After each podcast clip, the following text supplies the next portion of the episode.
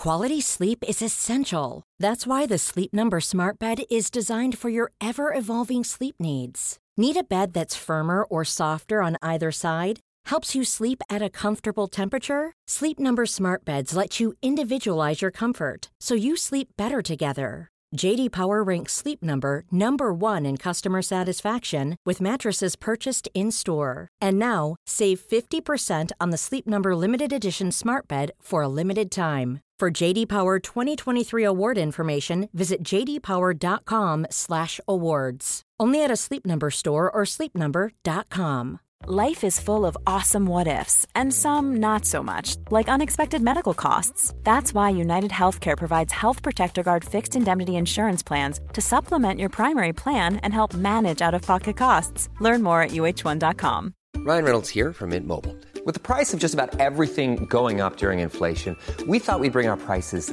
down. So to help us, we brought in a reverse auctioneer, which is apparently a thing.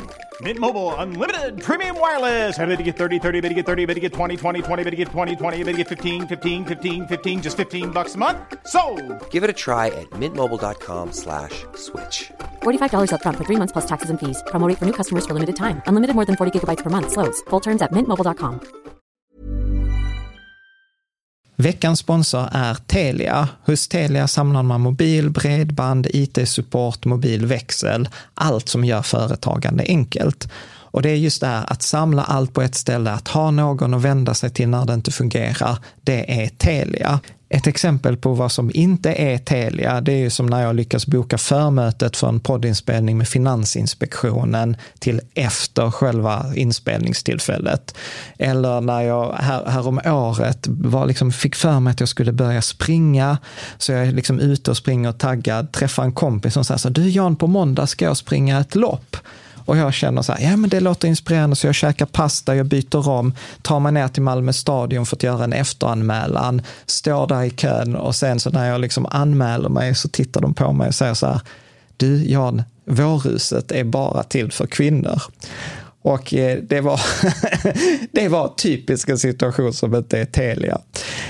Oavsett, ett stort tack till Telia som sponsrar, gör Rika Tillsammans möjligt, men framför allt tack till dig som lyssnar, följer och eh, hänger med oss varje vecka. Centralbankerna använder guld eh, och att vi vanlig gemene man inte skulle ha med guld i våra tankar, det är någonting som inte stämmer. Om de som sitter så att säga längst upp i den här hierarkin har det, eh, men inte vi, då är det någonting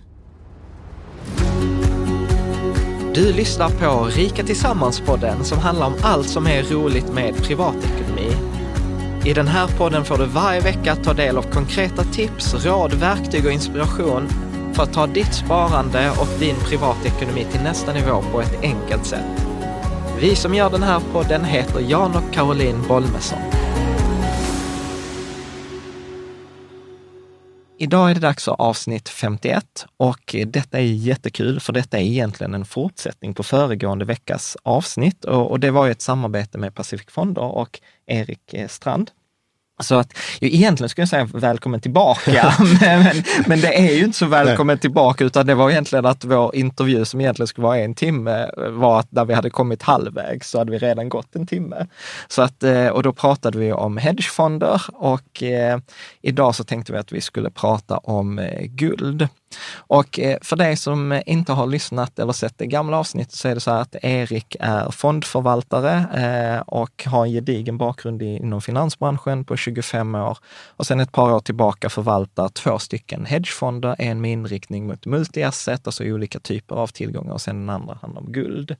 Eh, så att jag rekommenderar verkligen så här, har du inte lyssnat på det förra avsnittet eller tittat på det, gå gärna tillbaka på det innan du tittar på det här, för det kan hända att vi i det här avsnittet kommer referera till, eh, till det eh, föregående. Så att jag tänker egentligen att eh, vi, vi hoppar rakt in i Ja. det.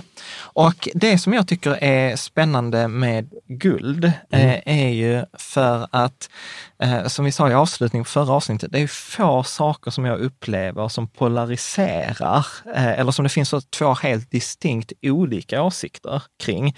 Där eh, vi har liksom centralbankssfären, jag tror det var Björn Bernanke, amerikanska centralbankschefen, som sa så här, guld är en barbarisk relik som liksom inte har något att göra i dagens finansiella system och sen har man så kallade goldbugs, typ Mike Maloney, Peter Schiff och sånt som är så här, världen kommer gå åt helvete, liksom det är bara en stor bluff, köp guld och... Köp guld för att ha sen, köp för det är guld det enda som inte- kommer för det är det enda som handla kommer. med. Ja. Precis, och, och man läser liksom bisats att de säljer konserver på samma sajt och ammunition. Så att eh, jag, jag tänker så här, min, min Du har verkligen lagt ut det nu. Ja, jag precis. jag. min, min spontana tanke är så att jag tror inte att Bern Bernanke har rätt och jag tror inte att Mike Maloney eller de har rätt. Så jag tänker så här, du är ju proffs. Så vad tänker du? Eh, ja, det är bara att lägga sig mittemellan där så- och köpa. Hamnar man rätt. Ja. Mm. Men kan du inte resonera lite? Hur, hur går dina Absolut, tankar? absolut. Eh, om vi börjar med centralbankerna där som du var inne på.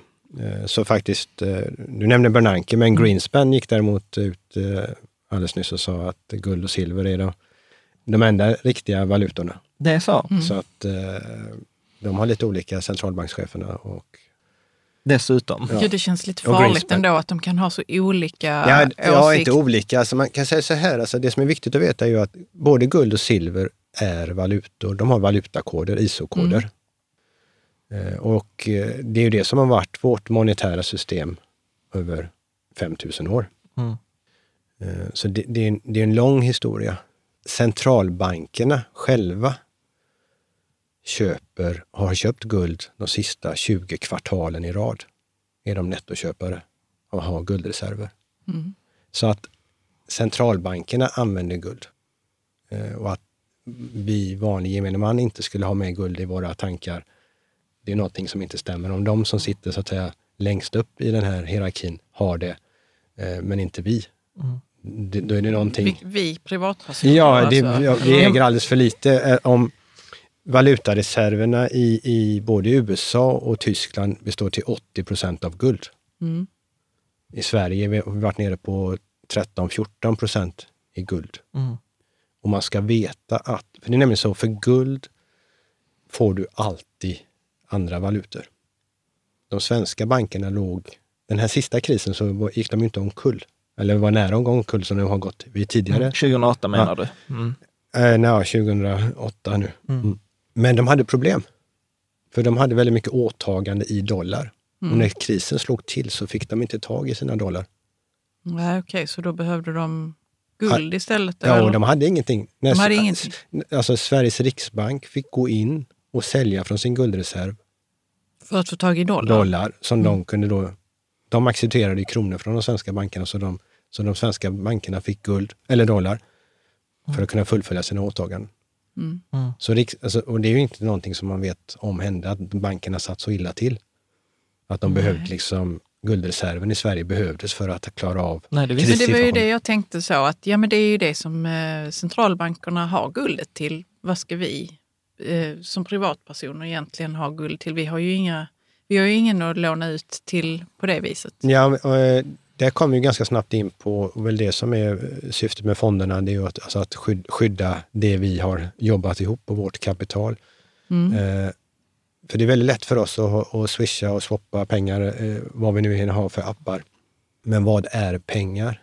Och då ska man veta skillnaden på att redan ha en 100 kronors sedel, en, en, en som inte många gillar längre.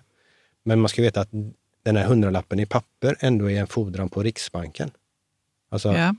Medan om jag har en elektronisk krona, nu pratar vi inte kryptovaluta, utan nu pratar vi en elektronisk, alltså på Det som bank- står på bankkontot. Ja. Mm. Det tror vi ju, alltså där har vi ju formellt sett så har vi ju lånat ut pengarna till banken. Och där är det ju så att banken lånar ut 91 procent av den här hundralappen till Ja. Och eh, jag köper någonting för de här 91 kronorna av, av eh, Pelle, säger vi. Pelle går med de här 91 kronorna till banken och sätter in dem på banken. Och då får banken låna ut 80 82 kronor. kronor. Mm. Och i det systemet så, så varje 100 kronor vi lånar till banken så skapas det 1000 kronor ute i systemet. Mm. Det vill säga att, Som egentligen bara är så ja, elektroniska och det säger att om, all, om alla vill ta ut sina pengar samtidigt så är det bara 10 procent som får sina pengar. Mm. Och den risken är inte vi riktigt medvetna om och EU sitter och jobbar med, just håller på nu snart klara, hur fungerar det vi så att vi, om vi eh, ska stänga bankerna och hur gör vi sen om det behövs? Mm. Om, inte, om alla vill ha sina pengar, det går ju inte. Mm. Och, och, och, och, det håller EU på att bestämma hur, exakt hur det ska fungera. Mm. Och det kan man undra, varför behöver de göra det då? Alltså, mm. Ja, för att det kan hända. Och, och man måste veta att för 100, en sedel, 100 kronor sedlar är mot Riksbanken, de pengarna är inte gånger 10. Så det är redan där en skillnad. Mm. Men samtidigt så är en hundralapp i papper bara papper och, och lite, inte riktigt samma sak som att ha det i guld. Så det är, det är en kedja med hur värdefulla pengarna är när det blir problem. Mm. Men så länge det inte är några problem och mm. allting rullar, då kan man ju ha pengarna på banken. Men de frågan är om, om EU bestämmer vad som gäller om det blir problem. Är dina pengar på bankkontot då dina pengar? För att Ja, men det... menar, mina pengar vill jag ju, jag menar, är det mina pengar på kontot så vill jag ju kunna ta ut mina pengar idag eller mm. imorgon om jag vill det. Det ska inte någon kunna säga nej, vi har stängt bankerna mm. och vi får Nej, se detta, om det men, det, men detta är ju det som händer. Det, det, det, det är ju inte mina pengar. Ja, jag Nej. tänkte också på Grekland faktiskt. Ja, men detta är, detta är ju med uttagsbegränsningar hade man ju i Grekland rätt länge. Och ja, liksom, och Cypern. Och Cypern och massa.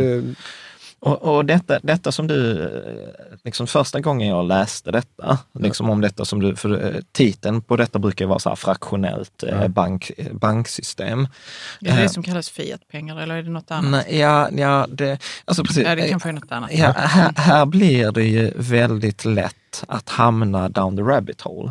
Alltså om man tittar på, på nätet sen börjar fortsätta läsa på mm. detta. Så, och, och det är ju detta som jag upplever är alltså, så... Du tänker att det är skrämmande eller vadå? Nej, men alltså det blir lätt att man eh, liksom drar vid detta, alltså så här, mm. fraktion, det fraktionella banksystemet, detta som du pratar om mm. nu, det är inget konstigt. Jag har själv fått eh, papper från Riksbanken när de själva beskriver exakt hur detta går till, mm. hur, hur man räknar. Mm. Men man kommer ganska snabbt in, precis som du säger, så här, fiat-pengar, vad är, vad är pengar på, på riktigt? Och det är här ja, vilka jag, är mina pengar? Vilka är mina pengar? Mm. Och då upplever jag att det blir svårt ja. att inte, liksom svårt att hålla sig på mitten på den där skalan. Ja. Liksom så här, vad, vad, tänker du? För det är ändå som att det systemet vi har haft, det har ändå funkat. Liksom. det problem, problemet som uppstod egentligen, det var 1971. När man gick av för guldmyntfoten, tänker du? Ja, alltså, då var det ju så att alla, alla valutor var kopplade till dollarn och dollarn var kopplad till guld. Mm. För det var det som centralbankerna... Men sen var det så att USA drev enormt olönsamma krig, Vietnamkriget. Och då 1969 och 70 så hade Tyskland och Frankrike stora handelsöverskott mot USA. Och då, eh, mycket klokt, så gick eh, Charles de Gaulle, alltså presidenten i Frankrike, och sa och märkte att USA tryckte pengar. Mm. Och då förstod de ju att de dollar de fick var inte värda det de skulle vara värda, för de var ju kopplade till guld. Alltså guldgrejen var ju för att inte politiker skulle kunna trycka pengar. Det är ju mm. vår, ja. tyvärr, eh, mm. vår största fiende är ju politiker som trycker pengar och har varit sen romarriket mm. tills nu mm. också. Dollarn har förlorat 97 procent av sin köpkraft på, på 100 år. år. Alltså, Så mm. det, där är, för det är väldigt lätt att trycka pengar och, och skapa så att säga, mindre värde och vi jobbar på, vi jobbar på och man trycker värde. Och det, precis, och det, det är där vi hamnar på inflationen. Ja, och det började egentligen 1971. För att, eller 69 började med att Frankrike sa, vi vill inte ha dollar, vi vill ha guld. Mm. För det är det så avtalet säger. Mm. Så USAs, USA hade en guldreserv på 16 000 ton guld. Och på ja, två år i princip så halverades den till 8 000 ton.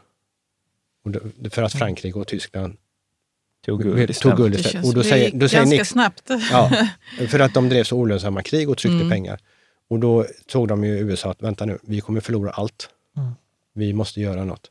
Och då sa, sa de att vi bryter det här. Det finns ingen koppling längre till guld. Mm. Ni får våra dollar, ni får säga vad ni vill. Mm. Och sen dess så har ju valutorna inget, de har inget ankare längre. Mm. Så nu allting, allting bygger på den här så att säga, oljedollarn, petrodollarn och även på oljesidan ser vi att det håller på lite konstiga ryckningar om vi ska ha olja eller inte. Så hela det systemet, alltså alla vi var inne på fiatpengar är ju olika. Vi har ju alltid haft valutor genom historien. Mm. Alltså innan dollarn, USA är ju faktiskt inne på sin tredje dollar. Det heter dollar.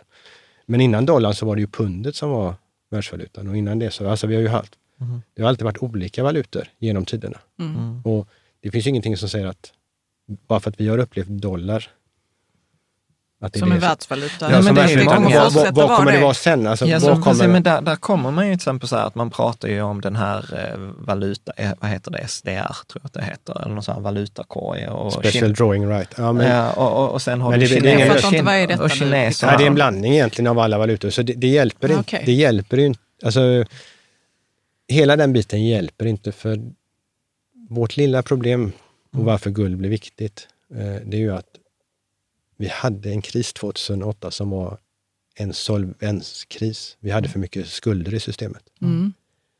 Vi löste inte det som i de här andra programmen där man ska skuldfällan och Ja, sanera, precis. utan vi, eh, man löste det med likviditet, Så in med mer pengar. pengar. Mm. Man löste inte problemet, men man löste situationen. Och det har man fortsatt att göra. Och vi hade, förut hade vi en skuld, alla skulder, företag, länder och privatpersoner jämfört med BNP, det var ett till ett.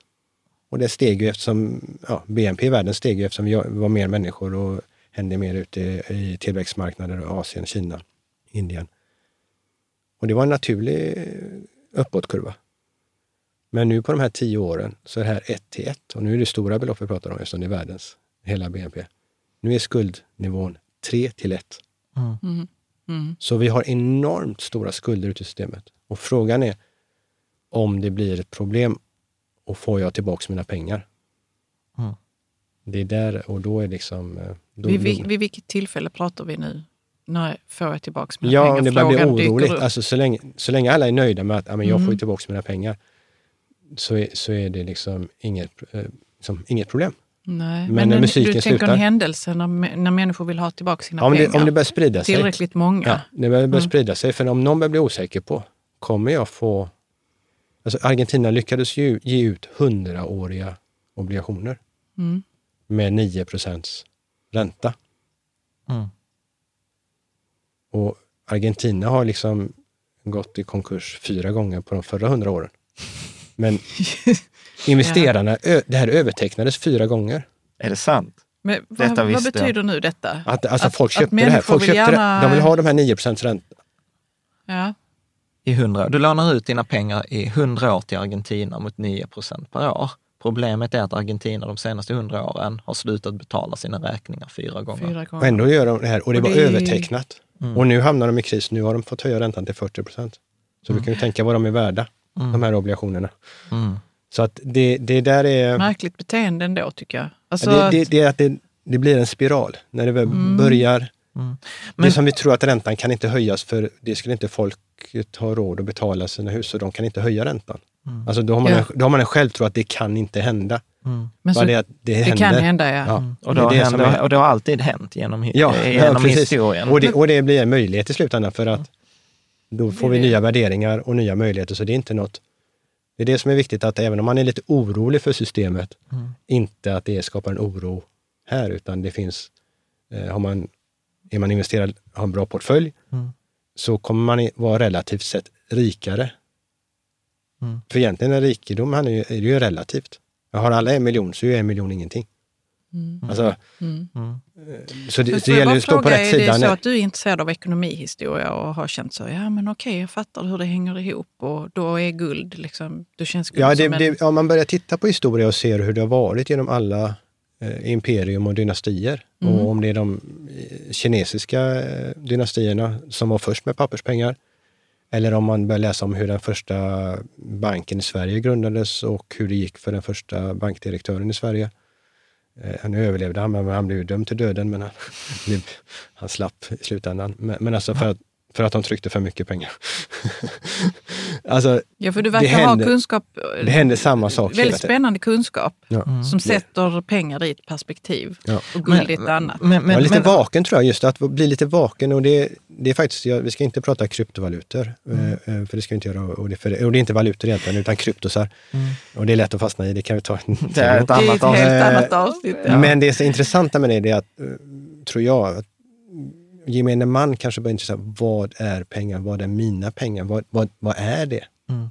Det tror jag är, för där, det är någonting vi har, eh, alla vi som jobbar i branschen, hjälpas åt att kanske komma åt lite mer vad det är och inte bara se det som att det är någonting som funkar som är där.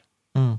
Men, Men, men, Guld. Men, ja, precis. Ja. Men, men, och silver ska vi prata om. Ja, nej, men, nej, men jag, jag tänker vi ska uppehålla oss lite, lite till. För, för att då blir ju lösningen på detta, för, för då, då är vi inne på detta med som folk kallar för fiat-pengar som inte har någon koppling till någonting, utan det är ju så här ett löfte om någonting och det funkar så länge jag tror på att den som har gett löftet kommer att hålla det löftet. Men då, då säger ju vissa så här, ja men eh, vi återgår till guldmyntfoten. Ja, Fast då är det ju ganska många som är pålästa också säger så här, mm, alltså det funkar ju inte jättebra sist heller. Liksom. Alltså, finns det, och det är här jag menar att det blir liksom lite så här konspira, konspiratoriskt. Nej, ja, jag tror så här, alltså tank, tanken med hela den biten var ju att inte politiker skulle kunna trycka pengar. Mm. För det, alltså, att trycka pengar är ju en beskattning, en form av beskattning. Det är inte en skatt, men det gör ju våra pengar mindre värda. Mm.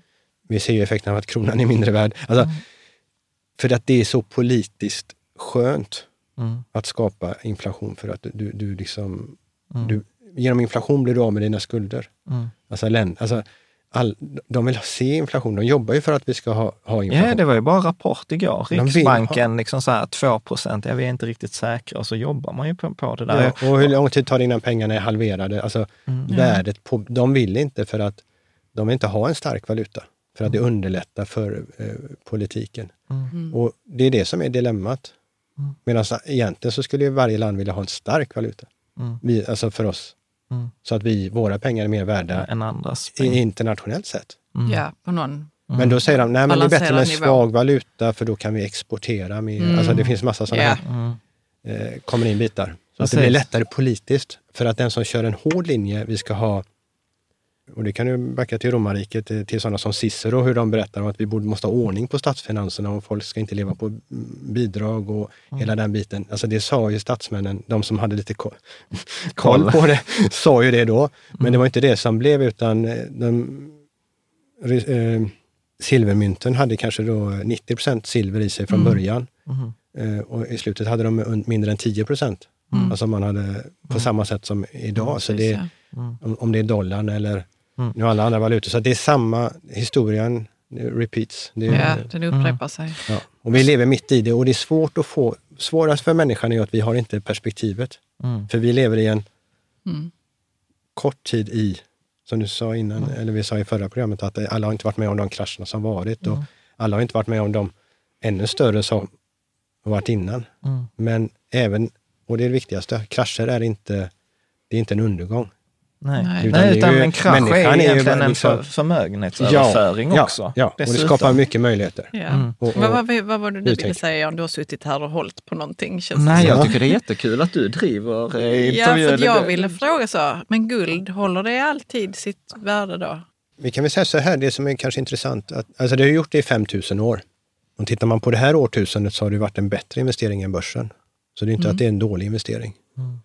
Alltså, och, och, och, men vad jag ville komma fram till, vad, man, vad som är viktigt att förstå det, för att man inte hamnar i de här olika lägren som har liksom bara ett, tyckande om det. Så är det, det handlar inte om guld i sig, utan guld, vi har en planet. Och på vår planet så finns det ett antal grundelement och alla har sett den här periodiska tabellen, Systemet. systemet i skolan. Och det är egentligen när man tittar på den så blir det ganska enkelt för att om man tittar på det som finns i, på jorden så försvinner väldigt mycket av de ämnena för att de är gaser. Väldigt många ämnen försvinner för att de är som, utbytbart medium så att säga, är radioaktiva. Sen har du några kvar. Eh, våra, en del är så, så, här, så mjuka så de går inte att forma. Och så har du ännu färre kvar och sen har du då de som rostar och, och försvinner, delar sig. Och till slut så har du bara det som heter precious metals, alltså ädelmetaller. Och det finns en anledning som har det. Och sen så drar du ner ädelmetaller så har du då de som man inte visste att de ens fanns förrän hundra år tillbaka. Och, så då är du nere på tre stycken och, och sen ska det då eh, gå, gå och smälta vid en vettig temperatur så att det inte är osmältbart. Eh, och då har du bara guld och silver kvar. Men, men även silver eh, oxiderar, alltså tappar ju Ja, det gör det ju. Det gör inte guld. Och, och så till slut så är du bara kvar med ett ämne, guld. Mm. Så, Som är oföränderligt, ja, eh, och, menar du? precis. Och har den, och har den eh, tyngd och densitet och så vidare. Så, och så det inte går att bara göra en kopia av och så vidare. Så att även om man skulle välja ut något idag, inte för 5000 år sedan, så blir det vårt periodiska system som blir guld.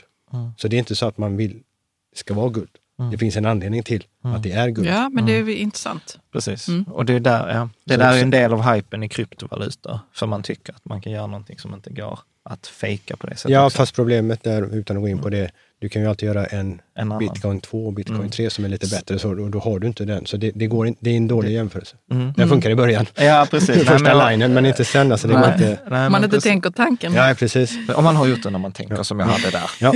Eh, Så nu, nu har vi ändå pratat rätt mycket om den där liksom monetära sidan, valutasdelen.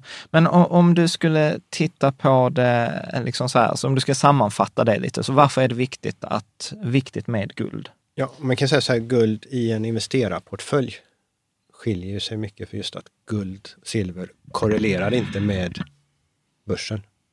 Utan eh, dels har den en bra avkastning i snitt över tid. Men man ser ju också att när börsen har gått ner mycket så har oftast guld, guldet gått upp mycket eller silver gått upp mycket. Och det är det som gör att det blir en väldigt bra del i en portfölj helt enkelt. Och det är det vi, vi gör ingenting annat än att forska, eller jag gör ingenting annat än att forska i och läser om hur, hur de här marknaderna och olika bitarna ser ut inom, inte bara guld, utan silver faktiskt som är egentligen ännu intressantare än, än guld. Varför det? Eh, det är två saker. Det ena är att det används så mycket i vår värld. Världens näst mest använda råvara. Silver. Ja, efter olja. Och det beror också på eh, egenskaperna. Och det är att eh, silver har är världens bästa ledande metall. Och det gör att när man vill eh, föra över energi och förlora så lite som möjligt så använder man silver. Mm. Eh, Så i varje telefon, mobiltelefon finns det silver, i varje dator finns det silver. Solceller finns det silver. Där det blir för dyrt att använda silver så har vi koppar. Men där vi vill tappa så lite i överföringen, där använder vi silver. Eh, och det gör ju att, eh, och med den tekniska utveckling vi har och alla bitar och solenergi som kommer och allt vad det är, så går det åt mer och mer silver. Och vi börjar närma oss en bristsituation på silver. Och det som blir extra intressant är att andelen silver fortfarande i en telefon eller en dator kanske är 50 kronor, säger vi. Ja. Men även om silverpriset då fördubblas till 100 kronor, så spelar det ingen roll för de stora datatelefontillverkarna, för de kan fortfarande sälja sin telefon för 7000 Mm. eller 7050. Det ändrar inte någonting. Mm. Så de betalar ju det De behöver betala. behöver betala. Mm. Och då är inte priset elastiskt, utan det följer inte med.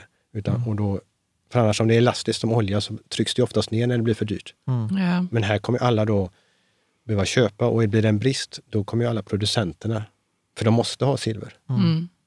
vilja köpa på sig, före de andra köper på sig. Mm. Så vi har en enormt intressant situation för prisutvecklingen på silver. Mm. Sen används ju silver inte bara som ledande metall, utan silver är också bakteriedödande. Så det används inom sjukvården för att ta bort bakterier, används för att rena vatten. Mm. Men även guld har faktiskt börjat användas mycket inom eh, cancerbehandlingar och sånt. Eh, För det som är speciellt med ädelmetaller, det är att de inte är giftiga för människan. Och, eh, och det är därför man hade riktiga guldlagningar förr i tiden också. Det är Mm. Tandläkare idag, om man träffar någon, och de har fortfarande patienter som har äkta guld. Mm. Där är det ju helt rent runt tänderna. Mhm. Det finns ingen bakterieflora. Mm. Vi har ju tyvärr inte fått, jag, har ju- det jag har fått är amalgam, Mm. olika Precis. billiga gifter. Ja, gifter. Eh, jämfört med det, så att eh, det är en väldigt ny trend i att att använda ädelmetaller i den nya tekniken, både när det gäller eh, tekniska saker men även då eh, sjukvårdsbitar och hälsobitar.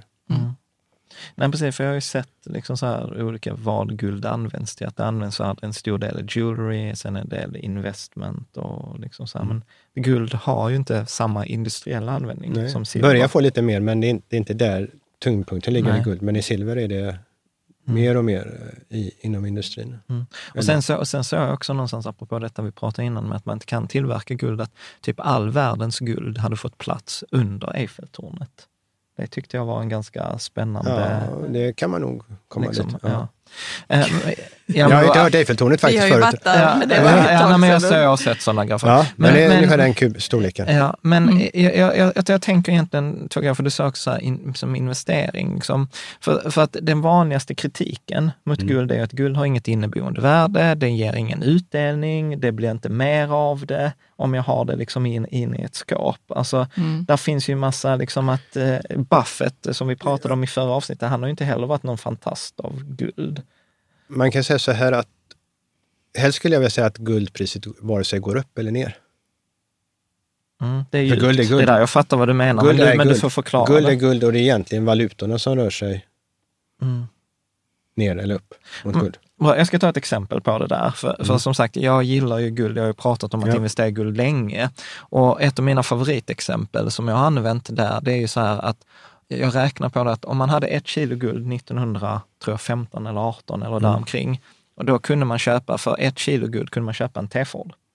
Och om man då, och det motsvarade tror jag 250 dollar, tror jag att det motsvarade då. Eh, och om man tittade 100 år senare, 2015, så för 200 dollar så fick du knappt ett däck. Men hade du ett kilo guld så kunde du fortfarande köpa en ny Ford. Mm. Liksom. Mm. Så att den där ett Jag gillar det exemplet. Mm. Det är så jag förstår att guld bevarar sitt värde över tid. Ja, och det är det man förklarar också, att pengarnas värde minskar. För 200 dollar mm. kunde du köpa en bil för för 100 år sedan. Medan mm. liksom 200 dollar idag är, är liksom i princip inte värt något. Nej, du har både den biten, du har alltså sagt det är en ISO-valuta i, i systemet. Centralbankerna köper det, centralbankerna har det. Mm. För de vet att det, det, finns ingen, det finns ingen skuld bakom. Mm. Det är inte uppbyggt i skuldsystemet som våra vanliga pengar är. Mm. Säg, säg någonting mer om det. För att det så att ja, men jag behöver tänka, tänka två steg här nu för att hänga med. Ja, alltså det, du behöver inte, det finns ingen motpartsrisk. Mm. Alltså guld, alltså annars det finns det alltid en motpartsrisk när du, när, i pengar. Mm. Alltså, vad betyder det, motpartsrisk? Ja, att, att, eh, om du, att du lånar ut eller du får, alltså, du får tillbaka, hela det systemet bygger på att det, att det fungerar. Mm. Men, men, guld är alltid guld. Det mm. liksom har inte någon...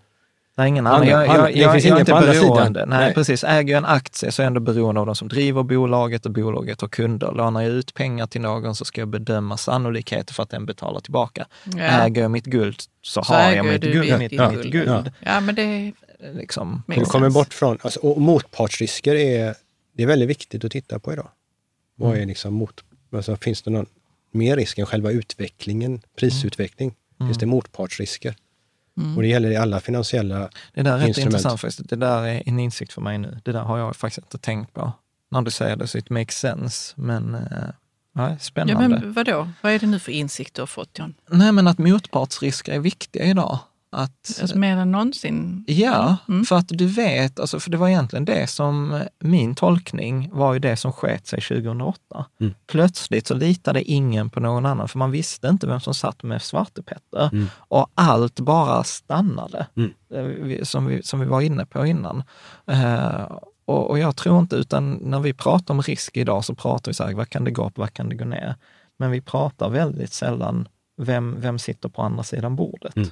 Så det var, det var egentligen det min, min mm. tolkning. Mm. Men vad gör du av Nej, alltså, vad gör du av inte. den insikten? Är det att du jag får komma försöker... tillbaka om 50 avsnitt. Och... Nej, jag tänker så att du använder den när du ska bedöma... Ehm, Nej, men motpartsrisk, alltså vi kan använda motpartsrisk i ett annat eh, intressant eh, fenomen. Jag vet ju att ni, eh, man använder, eh, eftersom jag mycket med, med ETFer. Mm.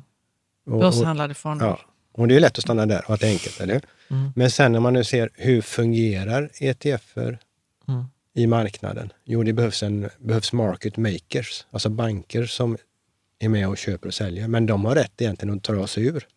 Mm. Mm. Det funkar inte längre. Nej. Och det är en risk som inte har med prisutvecklingen men mm. den risken är inget problem så länge allting funkar. Nej.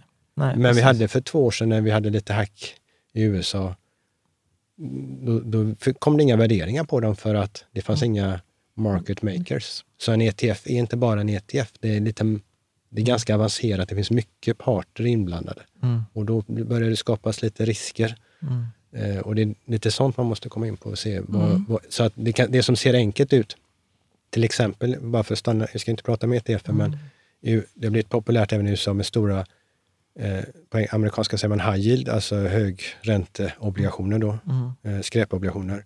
Man gör en ETF på detta. Mm. Då allting blir jättebra, för den kan jag ju köpa och sälja när jag vill. Mm. Men innehaven är ju egentligen i en dålig marknad, eller lite svagare marknad, plötsligt illikvida. Mm. Hur kan man lyckas skapa en Marknadshandlad ETF på det. på, liksom. på en illikvid ögon? Alltså det är väldigt, sånt, eh, men sånt blir bara lurigt när det När det inte funkar. Men Nej, det, inte funkar. blir det inte lurigt när det är komplext? Liksom? Jo. när man Jo, måste men tänka det- efter, så, vänta här Men just vad det, är det det är här jag det är lite farligt. Alltså ETF har blivit börshandlad fond, men sen, och så, sen är det klart. Mm. Det, det har inte blivit, man har inte fått se liksom lite problemen med det, för att Mm. allting har gått bra. Men eh, det är samma sak som en ETF för ett index. Och index går jättebra när börsen går upp. Mm. Men den dagen börsen vänder så äger ju ett index mest av det som har gått bäst. Mm. Och när det går ner igen så är det oftast det som har gått bäst Som går ner mest. Så index i sig är också en farlig konstruktion. Men det är inte farligt så länge börsen går upp. Mm. Det kommer man bara märka när börsen går ner, att index kanske inte är så, Mm. så Vi bra. ska prata om det där i ett annat avsnitt faktiskt, om just nackdelar, nackdelar, nackdelar med index. För att eh, jag, Ja. jag har också börjat bli lite så medveten Ja, om... det, det är väldigt bra i uppgång. Mm. Ja, sen, sen, sen skulle jag säga, jag vill inte basha index, men det, där, där finns ju jämför, det- allt beror på vad man jämför med såklart, Mm. eh, tänker jag. Eh, jag, jag. Jag tänker eh, på att jag ska, jag ska hoppa vidare. Ja, vi är inne på. Eh, ja, för många år sedan så var jag på Handelsbanken och Handelsbanken var den enda stället där jag fick råd att man faktiskt skulle ha lite guld. Ja. Och att eh, ingen annan, det är en, första och enda gången jag fick råd av en finansiell rådgivare att ha guld. Och då sa de att så här, ja, men en bra portfölj bör ha mellan 5 till 8 procent guld. Och det är ju inte något råd man får längre. Vad tycker du är en rimlig andel i ett sparande? Hur mycket bör man ha i guld? Ja, det var roligt du sa det för att eh, Oxford Economics som är en av de mer erkända så att säga, internationella oberoende analytikerna om Mm. finanssystemet, de säger 5 till 9 procent, så 58 procent var, var en ganska bra bit. Eh, jag, jag tror minst, alltså 10 procent ser jag som ett minimum, Mm. men jag tror att man ska eh, uppåt 20-30 procent i alla fall. Oj, motiv, motiv, så här, motivera ditt svar, som man fick höra i Nej, skolan. men alltså, jag tror alltså, vi har, alltså, Harry Brown med sin modell från början, alltså, där är det 25 procent guld och silver. Mm. Det, är, det är en ganska bra... Eh, Jo, jag, gillar, jag gillar ju den. Jag har ju det i Rika Tillsammans-portföljen som så att är det- en jag- på det där, så att det är ju inget konstigt. Nej. Men eh, nej, jag tror alltså, man ska minst 10 procent, för annars, annars får man inte effekten av det. Man kan, Mm. Går man under 10 procent så blir det inte någon... det är inte någon, då kan jag lika gärna skita i det. Men är det inte massa pengar som bara ligger? Liksom? Alltså om vi nu säger så här, guld har ju varit en bättre investering det här årtusendet än börsen. Du har en bättre avkastning om du hade investerat allt i, i guld 2000. I kronor. Ja. Ja okej, då är Så det inte det- bara nej. pengar som ligger. Nej. nej. Så du, du hade haft mer pengar eh, om, om du hade köpt guld Mm. år 2000 för alla dina pengar och Jan hade köpt eh, svenska börsen, utdelande index Mm. för alla sina pengar så hade du haft mer. Mm. Men absolut bäst hade varit om man mixade detta för då får man en, också en jämn kurva i och med att de Mm. inte korrelerar. Mm. Så har man fått en ännu bättre kurva för då får man också, när börsen har gått som bäst så kanske inte guld gått så bra och tvärtom. Mm. Då har man fått, får man en ännu finare kurva. Mm. Så att det är en bra, bra, både en bra avkastningspotential Mm. och eh, ett, ett skydd om vi skulle få problem. Och det, det viktigaste är egentligen, jag brukar säga så här, det är, ju bättre försvar man har, om det nu är fotboll, Mm. ju offensivare kan man vara. Mm. Alltså, det gäller att ha bra försvar. Då vågar man, kan man vara ännu mer offensiv i sin eh, offensiva del. Mm. Om man känner att man känner sig trygg med sitt försvar. Mm. Jag, ty jag tycker att det där är också lite klurigt. För att man ger ju ofta, det vet jag också att du i någon EFN-intervju tror jag att eh, pratar att, att eh, guldet brukar ofta denomineras i US-dollar, ju, eller US-dollar per ounce, vilket är liksom så här två, två måttenheter vi inte direkt har naturlig relation Mm. till. Eh, så att hur mycket i det där är valut, alltså förändringen i svenska kronan och hur mycket är guld, kan man säga så? Ja, man kan säga så här, och det tycker jag är viktigt, så som vi gör i, i vi har ju några saker där vi skiljer oss från andra guldinvesteringar. Ja. Dels I, i din hedgefond, Ja, Pacific Ja, Precious. där vi, dels är vi, jobb, investerar inte den i, vi går inte lång guldgruvbolag. För det är en väldigt hög risk. Som, mm. Det finns stora fonder i Sverige, Blackrock, World Gold och så. De, är ju, de mm. svänger ju enormt mycket. Mm. Hö, jättehög volatilitet. Vi vill ju ha en låg volatilitet, så vi inte, går inte att jämföra med dem. Skulle kunna gå att jämföra med en, eh, en guld-ETF. Mm. Fast skillnaden är ju att vi vill, eh, när vi ser att priset har gått upp för mycket, mm. så drar vi ner lite på exponeringen och när vi ser att priset är lite väl mm. gått ner för mycket så ökar vi exponeringen så att vi mm. kan tjäna mer när det går bra och, och mm. tappa mindre när det går dåligt. Mm. Men den tredje biten är också att vi har ett avkastningsfokus i SEK, alltså vi ser våra investerare i SEK. Och, så att man sitter i samma båt där. Mm. För när man köper en vanlig, eller en, en, en guld-ETF, den bryr sig inte om var, att vi sitter i SEK. Utan den, den är ju, fungerar ju bara i dollar. Som mm. på. För, för, för det där tycker jag är, är, är spännande. För att så här, och nu, nu, tar jag från mitt eget perspektiv och mm. så, så får du hoppa, så hoppa in. Men när jag började, för jag började spara i guld för åtta år sedan kanske. Eh, och då gick jag igenom där och, och, då var det ganska bökigt att eh, köpa, köpa guld. För jag insåg att det finns några olika sätt mm. att göra detta på. Mm. Gå till guldfynd. Ja, precis. Guldfynd, det började man när man var liten. Nej, men, men, men så, utan, och då tänker jag så här, okej, okay, det, det, sättet eh, som det finns eh, på eh, är ju att ja, men jag, kan, jag kan köpa det fysiskt. Mm. Och då kan jag köpa så här in, investeringsguld och jag har redan här tagit bort all sån här mm. samlingsmynt och, mm. och sånt skit, mm. Eh, liksom smycken och, och sånt. Mm. Utan rent investeringsguld, det finns det ett par leverantörer. Mm. Eh, och sen eh, så, så fick jag hem det och då uppstod första problemet var så här, okej, okay, hur lagrar jag detta? Ja. Hur försäkrar jag detta? Mm. Sen insåg, hade jag långa diskussioner och det finns artiklar på bloggen om detta när jag skulle ha det i mitt eh, bankfack. För Swedbank var ju, de kunde inte ens svara på det om jag fick ha det i, i bankfacket. Och sen var det så här sjuk historia, för det slutade med att eh, de tyckte att det var bättre att jag hade det hemma än i bankfacket. För att då gick det på lösöresförsäkringen hos Swedbank, alltså hemförsäkring mm. Swedbank eller försäkring bankfack. Så de sa, jag var så här, menar ni allvar att mm. ni rekommenderar att jag hellre har det hemma än i ett bankfack? Sen kändes det sjukt konstigt, så vi, har, vi hade det i bankfack i alla fall. Sen var ju nästa var ju då eh, guld-ETFer. Mm. Eh, som då, då fanns ju GLD mm. till exempel, den går inte att köpa längre på grund av eh, ETF, börshandlad fond. Amerikansk. GLD? Amerikan ja, det är en av mm. de största. Mm. Eh, men då uppstod problemet där med när man började läsa i det där eh, kaninhålet igen, mm. kring att då finns det motparter, äger de guldet eh, liksom eh, själva eller är det egentligen bara mm. derivat eller är det allokerat? Och sen det sista som jag har gjort hittills, och det är också därför jag tycker det är spännande för att du erbjuder ett annat sätt, det är att jag har börjat köpa det fysiskt allokerat, alltså att mm. det gått till nischleverantörer. Mm. Till som exempel. har ett kassaskåp med guld? Ja, men som till exempel så att vi har ju en annan partner på bloggen har ju varit Bullion Vault, mm. alltså där du köper det i Storbritannien och de, de köper det fysiskt mm. Eh, och har det åt det. Men det är ju också bökigt för det är ganska dyrt, eh, alltså på låga summor. Så, så, så, under 50 000 är det inte ens lönt för då betalar Nej, du flera procent. ganska mycket för att det ska då, löna sig. Ja, mm. uh, och, uh, ja. Och, sen, och sen så presenterar du egentligen ett fjärde sätt. Ja, alltså vårt mål har ju varit att i och med att vi ändå är en fond och vi är så att säga köpbara på Nordnet, Avanza och de här platserna, uh, så blir vi någon form av elektroniska. Det blir mm. vi. Men vad jag har sagt är att vi vill vara det absolut bästa alternativet inom den världen. Mm. Eh, och att våra, det vi äger är täckt med fysisk guld, mm. som vi har sett och som vi, vi har men barlist och så vidare. Så att, men var köper ni? Det, ja, men du, jag, ja. jag tror att ni har använt eh, någon av dem som vi också använder i ja. Tyskland till exempel. Ja. Eh, så jag tror inte det, i de här ETF-erna du nämnde och ETC, ETC som det är i Europa, det är inte den faran. Okay. Faran ligger om du köper en ETN från okay. den bank du pratade om förut. Okej, okay, nu är till och med jag detta är nytt för ja. mig. Berätta. Ja, du, du, nämnde en bank, jag vill inte nämna den själv. Ja. Men de, de har guld-ETNer. Okej. Och, Vad är det för Exchange ETN? Traded Notes. notes. Ja. Och då har du motpartsrisk på den banken. Ja. Och den är osannolikt att banken går omkull, men du har ändå tagit in den risken. Och det, sånt vill vi inte vi ha, utan vi vill ju ha där guldet finns och guldtackorna och siffrorna. Ja. Och, som vi och det är reviderat. Och, ja. för, Men för sen, vi, vi, jag vill inte...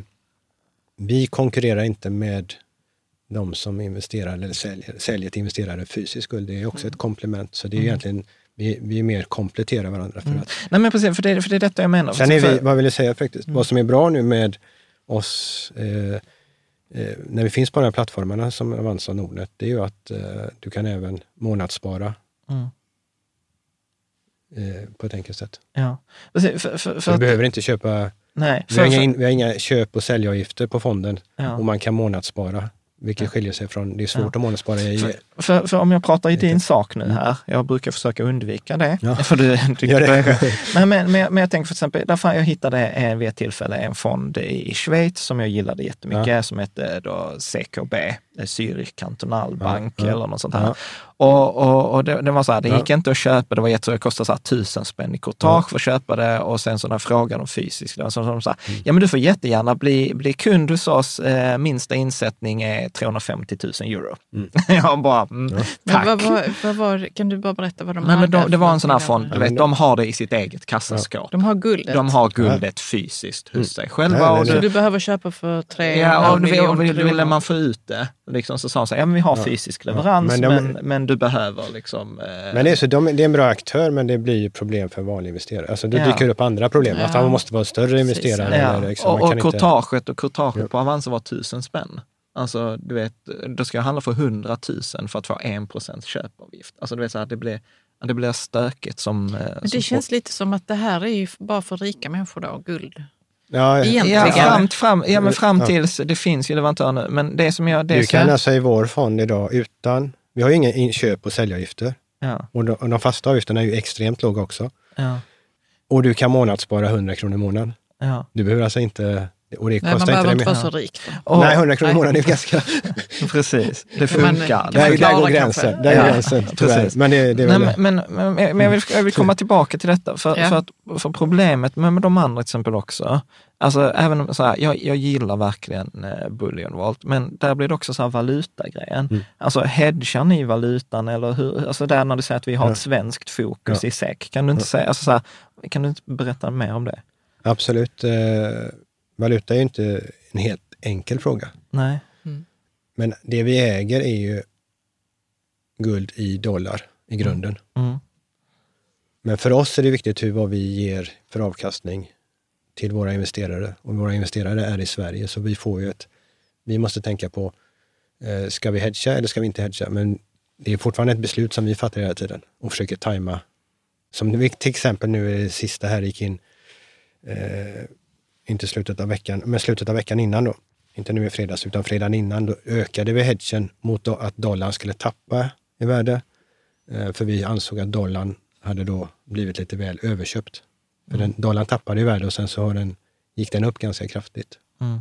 Och sen så gick den upp så kraftigt och snabbt så att då var det läge för oss att öka Mm. hedgen. Men när den gick upp så tjänade vi pengar på att dollarn gick upp mot, Mm. i kronor. Och vilket var bra för våra investerare. Men sen när vi kände att nu är dollarn för överköpt, Mm. då ökade vi hedgen. Hur, så, så, Men jag, vårt fokus hela tiden, det betyder inte att vi alltid har rätt. Mm. Men vi tänker i samma, på samma alltså vi tänker i samma båt, vi är i samma båt. Mm.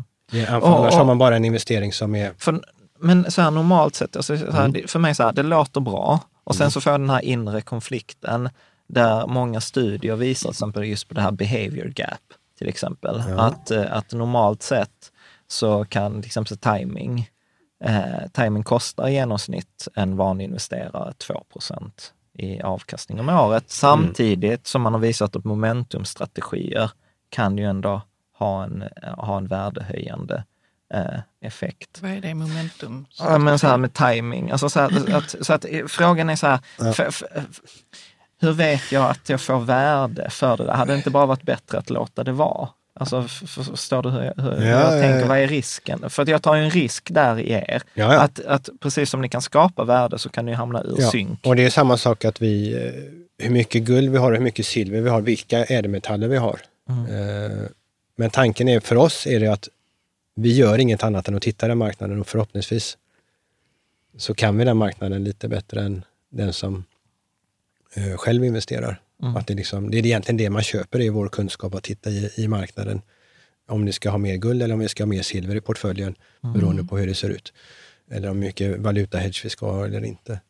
Eh, har man känslan att man kan vill göra det bättre eller inte, mm. då ska man ju göra det, mm. det själv. Eh, det är ändå så en fond fungerar, att man, man överlåter lite. Mm. Jag, det, jag vill inte lägga tiden på det. Men, precis, men har ni mätt till exempel alltså en överavkastning när ni har gjort detta? Liksom?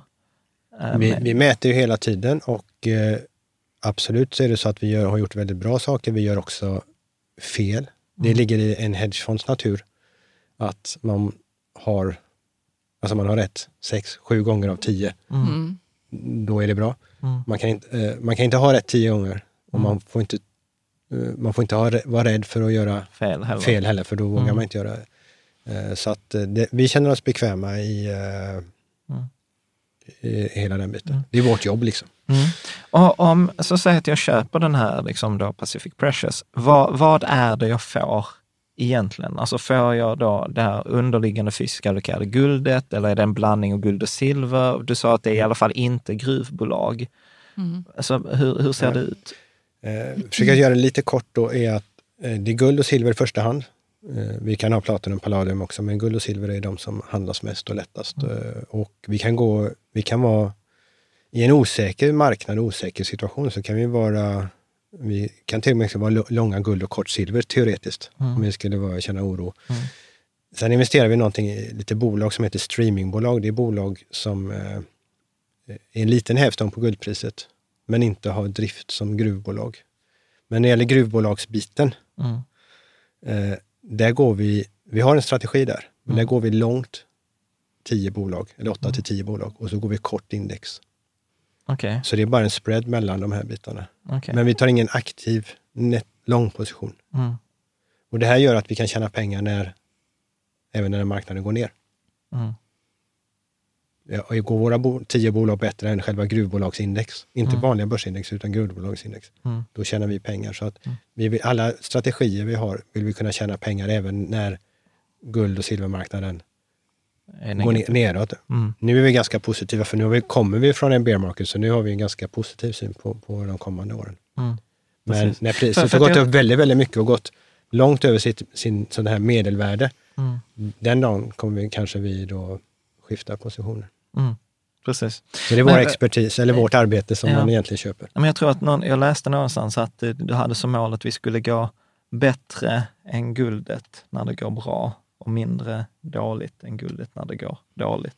Eller var det inte något sånt? Ja, det finns absolut med i vårt eh, mål och det som är viktigast nu är att inte missa när tåget går uppåt. För att i och med att guld och silver, mm. i, i motsats till börsen, har liksom varit på sin nedåtresa, eller bear market som vi sa, mm. så, så är eh, vi i startgroparna. I vissa valutor så är det redan en, en uppåtgående fas, en bull mm. market. Eh, och och eh, den vill vi inte missa. Så vi är inte, vi, är inte, vi är inte för aggressiva att skilja oss från utvecklingen på guldpriset just nu. Mm. Och, och, och, och, det är många som pratar om guldet här, eller till och med hedgefonderna som vi pratade om i förra avsnittet. Alltså ser det lite mer som, som en försäkring, alltså i, i, i portföljen. Mm. Liksom.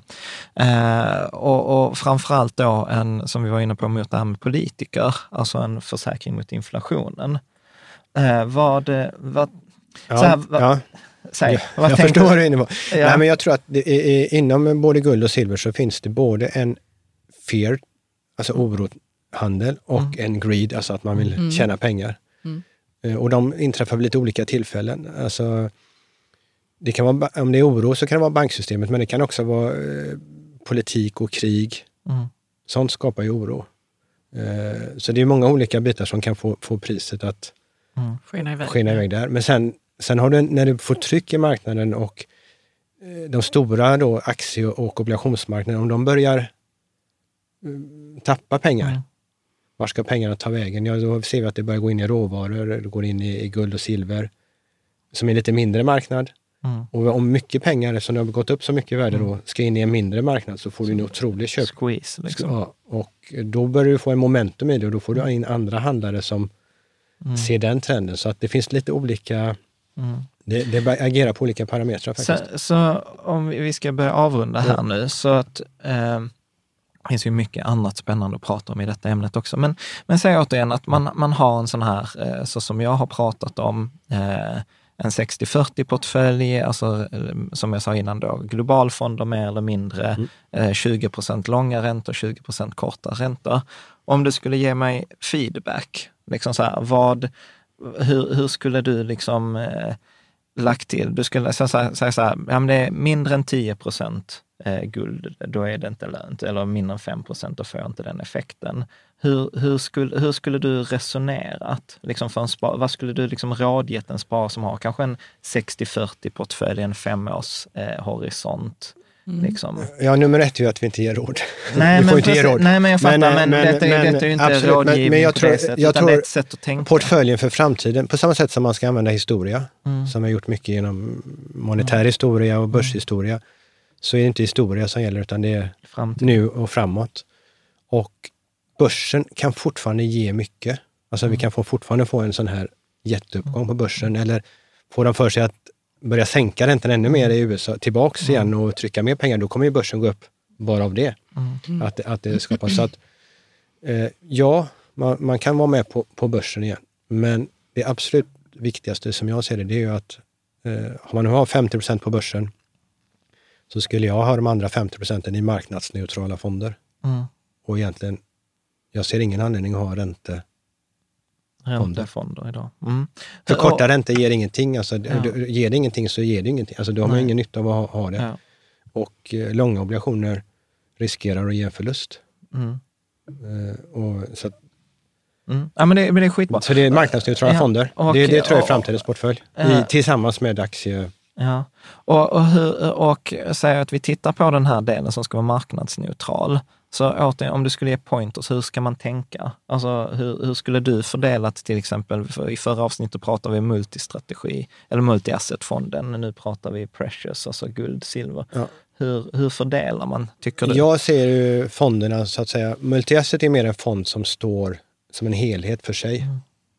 Alltså, om man bara ska ha en marknadsneutral fond, mm. så, så, skulle jag valt den mm. och sen haft mm. aktiefonden ovanpå. Eh, är jag mer för att jag ska bygga en mer avancerad portfölj mm. och att jag ska ha fyra stycken marknadsneutrala fonder. Eh, då hade jag liksom absolut haft med Precious som, som, portfölj, mm. alltså som fond. Mm. Eh, för, att, och, för då är man mer beredd på att okej, okay, den kanske inte presterar när börsen går som bäst. Alltså, då, man är mer medveten om att den beter sig så man, man ska inte kasta ut den bara för att den inte går upp. Mm. Eller för att börsen går upp. Alltså för att man, man ser det mer som en portfölj. Mm. Medan multi-asset som sagt, den är mer, den klarar av att vara helhet om man mer, tänker på det sättet. Så det beror lite på hur man vill mm. se sin egen portfölj. Mm. Bra. Eh, jag tänker så här, är det någonting som du tycker att vi har missat när det gäller hela den här guldkonversationen? Något vi borde, någon fråga vi borde ha ställt? Äh, vi kan väl hoppas att det var så mycket spännande eller konstiga saker vi pratade om att eh, man kanske vill eh, ställa frågor och så får, ja, vi, får vi väl återkomma med svar. Ja, precis. Där är ju mycket, är, vi hade ju så här i pausen, så pratade vi om så här, vad är pengar? är en jättespännande fråga. Där, hur skapas pengar? Hur skapas pengar? Mm. Eh, och jag tänker, där, där egentligen, jag hade ju egentligen velat prata mycket mer om så här, permanentportföljen och allvädersportföljen. Eh, Men så här bara kort, tror du att permanentportföljen har en plats i dagens eh, liksom, man, alltså, man kan säga egentligen har inte ekonomi förändrats så jättemycket. Så, så att absolut har den det. Sen tror jag att den har, som vi var inne på, Ray Dalio som pratade om förut med, med All Weather Fund, alltså, det är någon form av lite utveckling av det. Mm. Uh, och det är väl, uh, lite utveckling finns alltid att göra. Mm. Men grundtänket uh, mm. handlar om att ha icke, ha tillgångar som, som, inte, inte går åt samma håll. Mm. För det är det, tyvärr är det det som är risken idag, att alla sitter på samma sida av mm. båten. Mm. Och, eh, det ska man, när man, om man pratar om finansiella bitar så mm. finns det inget, det finns inget viktigare än att undvika mm. det. Mm. Att, ja, att sitta på fel sida av båten. Om vi ska ta så här praktiskt, precis som, som innan, de här fonderna finns ju på Avanza Nordnet. Avgiften på Precious? Ja, det finns först och främst inga köp och säljavgifter. Mm. Så man kan köpa en vecka och sälja nästa vecka. Mm. Eh, och sen är avgiften 0,5 procent i fast avgift. Och så är det 15 procent i så kallad prestationsbaserad avgift. Och hur funkar den? den fungerar att varje om vi, om vi slår ett nytt all time high, det vill säga Mm. att eh, fonden har ett högre värde än vad den tidigare haft, Mm. då drar vi avgiften. Men den dras, alltså kursen som syns är alltid netto. Mm, Okej, efter avgifterna liksom. Mm. Okej. Mm. Bra. Eh, om vi tar samma fråga som innan, och om vi skulle ha någon, jag pratade med någon i branschen, så hade de sagt så här, ja, Eriksfonden är bra, men vad är, liksom, vad skulle, vad är liksom nackdelen med den, eller vad ska man se upp med? Alltså nackdelen är, jag, jag har tänkt och verkligen tänkt utifrån en investerarens, eller jag ville göra den perfekta fonden för en investerare. Eh, utifrån sin struktur. Mm. Och jag, jag tror att vi har, tror att vi har lyckats. Alltså jag har svårt att se vad vi kan göra som är bättre. Eh, frågan är om vi inte, kanske inte gjort den tillräckligt bra för oss själva då. Mm. Ja, men alltså precis, för man kan ju ha åsikt om, eh, och det, för det där kommer ju säkert komma upp i kommentarerna, liksom avgiftsstruktur. Men, men jag tänkte ju på det där faktiskt när du sa det innan, att jämfört med många andra hedgefonder så är det en ganska schysst, alltså ganska, ja men egentligen ganska tuff, eh, tuff eh, avgiftsstruktur att säga att vi kopplar det till all time high. Ja. För de flesta andra brukar ju koppla det mot ja, T-bill, alltså statsskuld och Och sen- obligationer och- eller något sånt annat. Ja, och det, så vi, eh, vi behöver göra positiv avkastning. Mm. Vi gör det bättre hela tiden. Ja, Precis, och precis som då innan. sitter vi i samma båt. Ja, och precis som du sa i förra avsnittet, du hade dina pengar i multi-asset. Har du dina pengar i Precious också? Ja, ja. Ja. Nej men alltså du vet, så här, vi, vi, ska, vi ska, alltså, Ja. det är en Ja, löjlig absolut. fråga, för egentligen så här, det hade varit konstigt om du inte hade. Mm. Men jag har sett undersökningar där åtta av tio fondförvaltare har inte sina egna pengar i sin egen fond. Och jag tycker det där är ganska kass. Sen fattar jag varför det är Nej. så också. Men, Nej, alltså jag, där följer jag stenhårt samma princip att eh, vi ska sitta i samma båt. Så jag har alla, alla pengar som... Eh, jag har någon investering direkt i silver, mm. men annars har jag allt i Mm. mina egna fonder. Mm. Ja, men detta är ju superspännande och det, det, detta, det, det som är roligt tyckte jag med, med, med den här intervjun är ju att jag har ju fått saker att tänka på också. och det är ofta, jag hoppas att det är så för dig som har eh, lyssnat, eh, lyssnat med. Men jag, jag, jag tänker att detta är ju verkligen en sån här grej vi, ja. Vi, vi, vi får göra fler, eh, fler, avsnitt. Så jag, jag vill säga, vill du komma tillbaka? Jag kommer gärna tillbaka. Ja, men vad Trevligt. roligt. Eh, och precis som vanligt, du, du som har lyssnat, har du, eller tittat, har du kommentarer, frågor och funderingar, skriv gärna på bloggen, gå in på rikatillsammans.se. Eh, jag kommer att skriva också min eh, reflektion liksom så här om ett par dagar när det har Mm. liksom landat. Eh, och eh, sen så tror jag också att Erik, du, om där kommer kommentarer och frågor, att du gärna kan svara på dem också. Absolut. Men eh, ett stort tack. Tack så mycket. Tack, tack. Tack. tack.